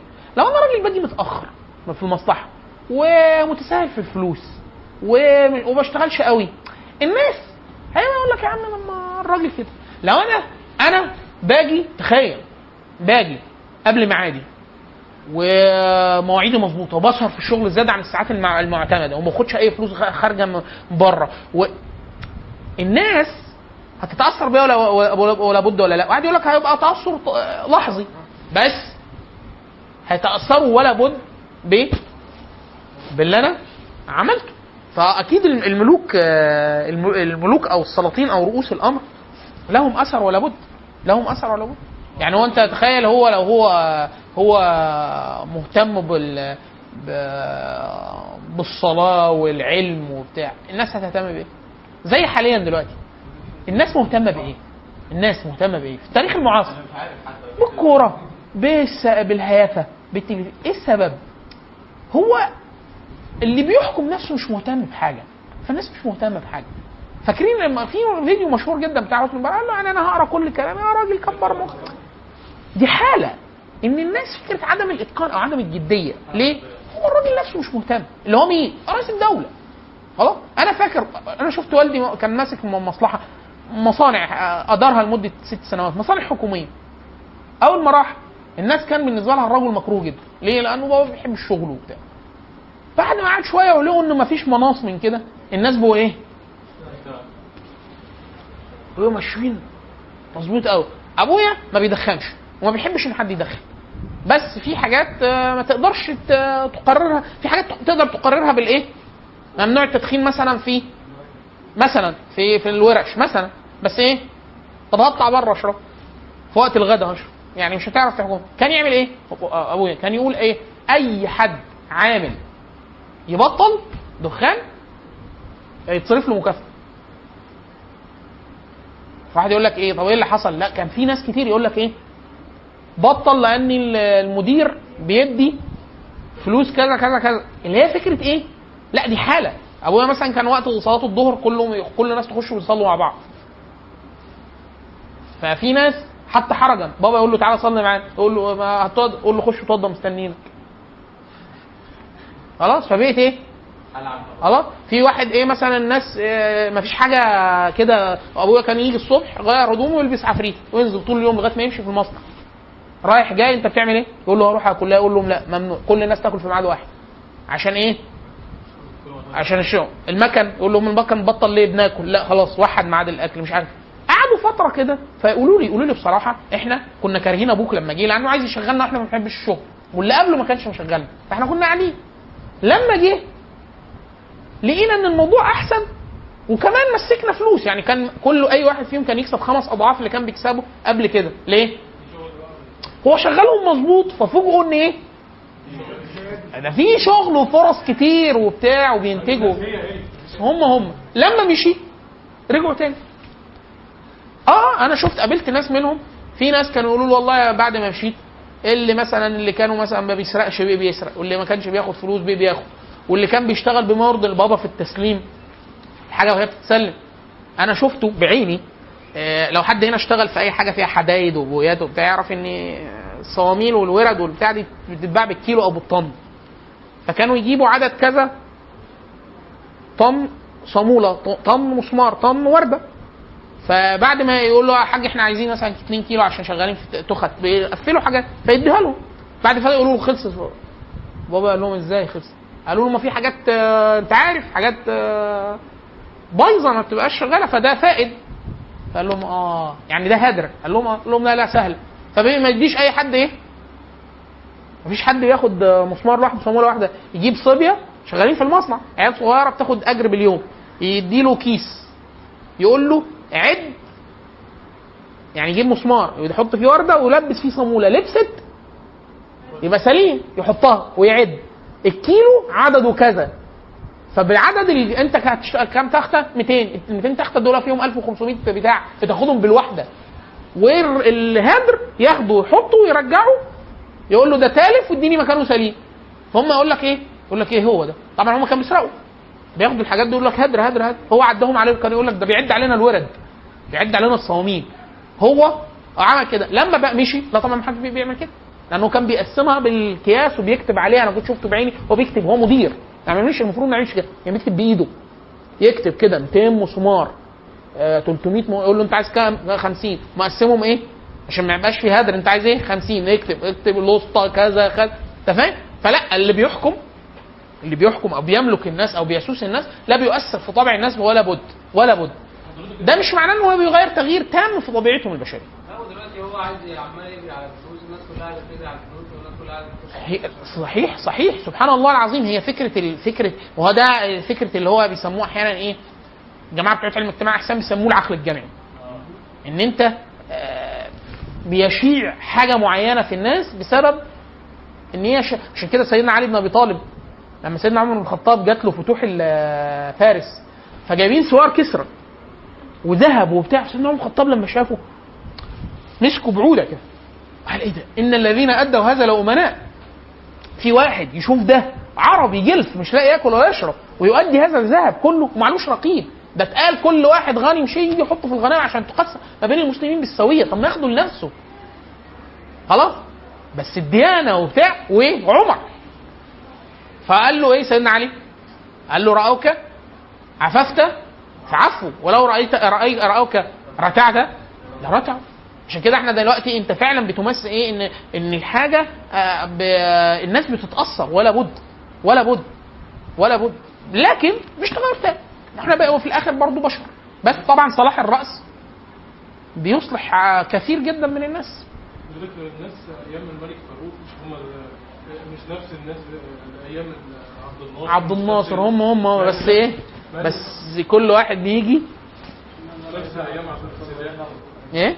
زي أيام السادات الناس إيه آه عايزين يروحوا الخ... كل الناس عايزة تخرج تاخد تروح إعارة عشان يجيب فلوس عشان يجيب مروحة عشان يجيب فيديو عشان يجيب عربية عشان يجيب هو الراجل بيفكر يقول لك أنا اللي مش هيختني في وقتي مش هيختني. أنا عايز الناس هو الراجل بيفكر إن ده التحقق ده التحقق الذاتي عبر التاريخ إن أنت تتحقق يبقى معاك إيه, إيه إحنا كل أجيال أبهاتنا تأثروا جدا بده إن أنت نفسك إيه اشتري مروحة. إحنا أجيالنا طلعت مرفهة فدي أساسيات بالنسبة لنا. أصلا أساسيات. ده إحنا عايزين ترفيه ترفيه ترفيه. دلوقتي. خلاص؟ وهكذا وهكذا. عشان كده لما لما الناس تغير عليهم النظام قال لك لا ده مش حلو. بالرغم إنه قد يكون أهدى سبيل ليهم. لكن قال لك لا لا مش حلو. ليه مش حلو؟ لأن تتغير نمط اللي أنا اعتدته. عشان كده سيدنا عمر بن عبد العزيز في- أحد العبارات قال يعني إنه اعالج امرا قد شب عليه الصغير وشاب عليه الكبير. الناس الناس كأنها عايزة تتفطم تمام؟ وقال لهم اللي يفطمهم قال لهم أخليهم يجي لهم جفاف. الله سبحانه واخذناهم بالبأساء والضراء لعلهم يضرعون طيب فسلمان في الثلاث سنوات أو الثلاث سنوات وكسور اللي هم قعدهم فيه ومات شاب ومات ب... ب... ب... يعني مرض ومرض يعني غير متوقع في سنه مات مات صغير حاجة و30 سنة. حتى هو أحد جواريه بت- بتقص عليه بتقص عنه يعني بتقول آه، لبسته وبتاع واول ما بص في المراية فأعجب بنفسه في. في. في الرحلة اللي عاد منها مات فبص وقال يعني آه، أنا الخليفة الشاب تخيل شاب سنه حاجة و30 سنة بيحكم الأرض بيحكم من الأندلس للسند من بلاد ما وراء النهر لليمن بيحكمها هو لوحده فسبحان الله العظيم يعني إيه والدنيا يعني آه، القصيده بتاعت الأندلسي كان بيقول فيها إيه فبيقول إيه؟ لا المست اول في الابيات أول حاجة في الابيات لا اول بيت اللي هو بيقول اللي هو الشطر الثاني من سره زمن ساءته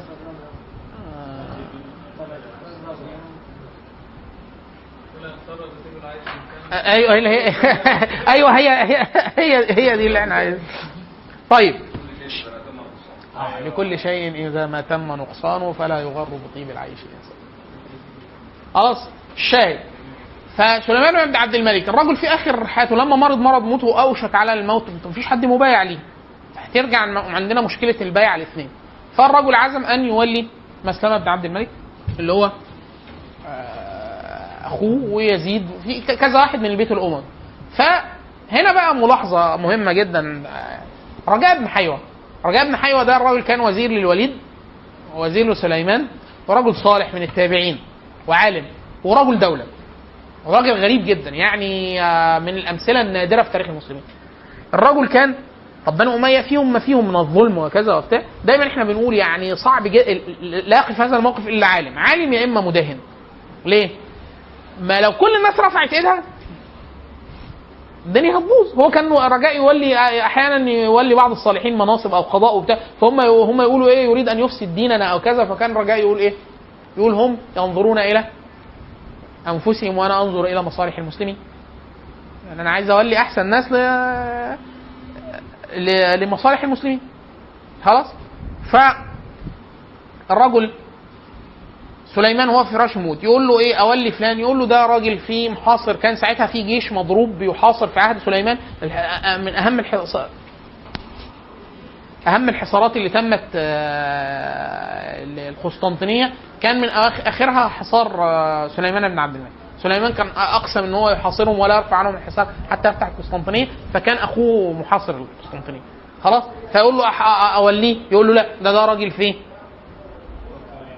طب يقول له طب اولي ابني يقول له لا ده صغير وبتاع وتهلك المسلمين وبتاع وربنا يحاسبك عليه. فقول له طب أمال اولي مين فقال له طب مع عمر بن عبد العزيز. هو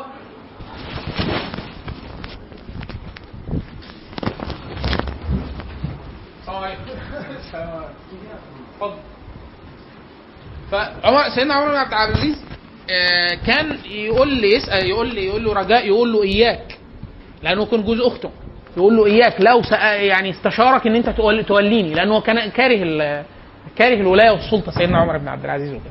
فرجاء يقول له أنت اصبر أنت مالك؟ أنت مالك في الحاجات دي؟ أنت راجل ده أنت شكلك بتقول لي أذكرك. هو كان راجل صلب جدا رجاء بن حيان فكان يقول له عبد العزيز ده أنت تلاقيك بتقول لي كده عشان أفهم إن أنت مالكش مش عايز حاجة في الملك فقول له. فيسكته. وهو يبطن في في نفسه أنه س يعني يشير به على سليمان. فقعد الرجل بتاع فقال له إيه؟ قال له والله عمر بن عبد العزيز. هو ده رجل صالح وبتاع وقريبك وهو كان يحبه جدا. كان مقرب ليه جدا عشان قريبه كان جوز أخته وبتاع هما الاثنين كانوا يعني إيه مقربين جدا لبعض. فقال له بس آه، بنو آه، يعني آه، بنو مروان يعني ما قال عبد الملك ينفروا لأنه ده ابن عبد العزيز. كده هينقل الملك. فقال له لا لا لا أنت تكتب يزيد بن عبد الملك في البيعة. فيبايعوا لإيه؟ لعمر ويزيد. فالناس هيقول لك خلاص هيقعد هيحكم كام سنة بس هيمشي وهيجي يزيد فالأمور تعود لنصابها فخلاه كتب كتاب بهذا سليمان رحمه الله لأنه يعني دي فعلا من حسناته قال يعني والله لأعقدن عقدا ليس للشيطان فيه نصيب. حاجة كده إيه لا لقرابة ولا لكذا لأنه رجل صالح فعلا وبتاع. وهو كان دائما دائما آه، سليمان لما يجي يعمل حاجة يقول له يجيب عمر بن عبد يقول له إن كان الامر إن كان إن كان الأمر لك فما تفعل؟ يقول إن كان لي كنت فعلت كذا وكذا. فيقول له- يقول له لا ده ما يصلحش مع المسلمين وبتاع. مرة جاب له واحد مسك واحد من الخوارج فجاب عمر بن عبد العزيز جابه. قال له عشان انت بتقول إحنا بنقتل الناس بالظلم وبتاع قول له ما تقول فيه وفي أبي؟ أبوه ده اللي هو عم عمر بن عبد العزيز عبد الملك. قال له إيه؟ قال له فاسق ابن فاسق. قال له ها نعمل فيه إيه؟ قول لي انت بقى قال له لا انت مكان قال تسبه كما سبك وتسب اباه كما سب أباك. مش واحد شتمك انت وأبوك؟ اشتمه هو أبوك. كده خلاص السب ينفع تسب. واحد شتمك تروح للقاضي أشتمه أشتمه بأمه زي ما شتمنا بامي وإلا لا طبعا. خلاص؟ فالشاهد إيه؟ قال له تسبه كما سبك وتسبه تسب اباه كما سب أباك. فقال له فقط؟ قال له فقط. طبعا أمر به فضربت عنقه. هو كانوا بيقتلوا أي حد يتعرض ليهم بالكلام أو بالسب أو الشتم أو كذا فكان دايما يقول له إن كان لي الامر لفعلت كذا كذا كذا كذا وهو كان كاره جدا لسليمان كاره هو وعمر بن عبد العزيز كانوا كارهين للحجاج. فكان عايز سليمان أن يعزل الحجاج إن أدركه. وطبعا هو مات في خلافه أخوه الوليد. فقام سليمان بعزل كل رجال الحجاج. واستكمل بعد ذلك عمر بن عبد العزيز. هما الاثنين كانوا كارهين لده. حتى من نوادر آه، سليمان بن عبد الملك إن هو دخل عليه واحد كان آه، عامل للحجاج بن يوسف. آه، فقال له إيه؟ قال له آه ما فعل آه، يعني فعلت بك صحبتك للحجاج وكذا. وأين الحجاج الآن؟ أتراه وصل إلى قعر النار أم ما زال يهوي فيها؟ سليمان. فالراجل إيه؟ حتى ده ال- الراجل رد عليه رد في كتاب مشهور جدا اسمه الاجوبه المسكته اللي هو واحد اللي هو حاليا بيسموه قصف الجبهة.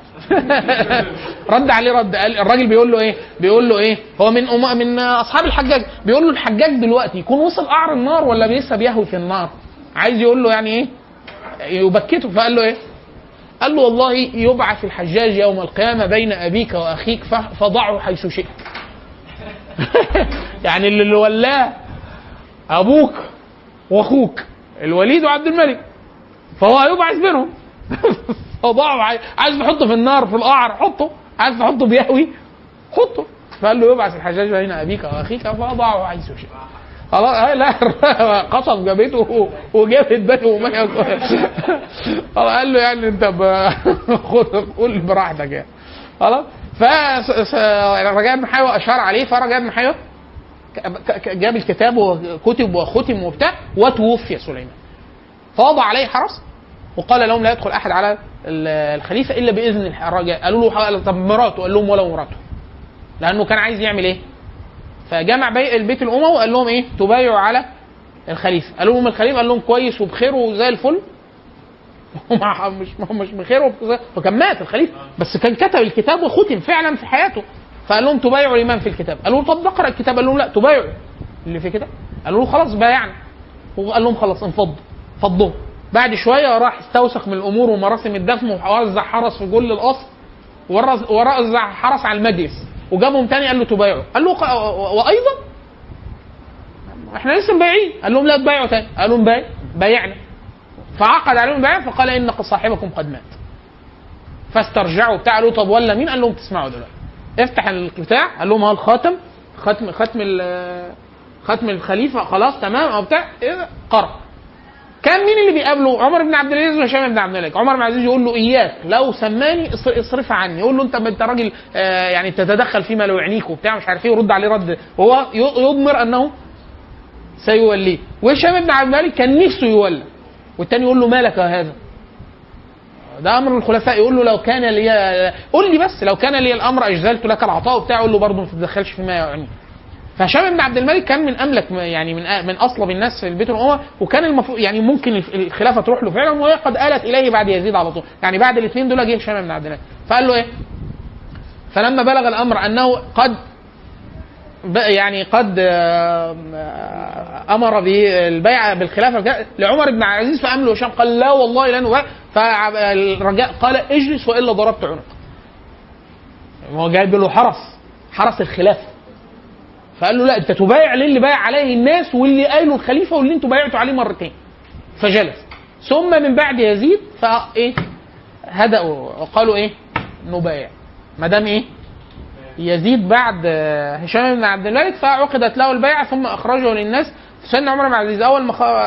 يعني آه، طلع ال- المنبر قال يعني إيه؟ آه، س- حمد الله عز وجل وأثنى عليه. ثم قال إني أرد إليكم البيعة.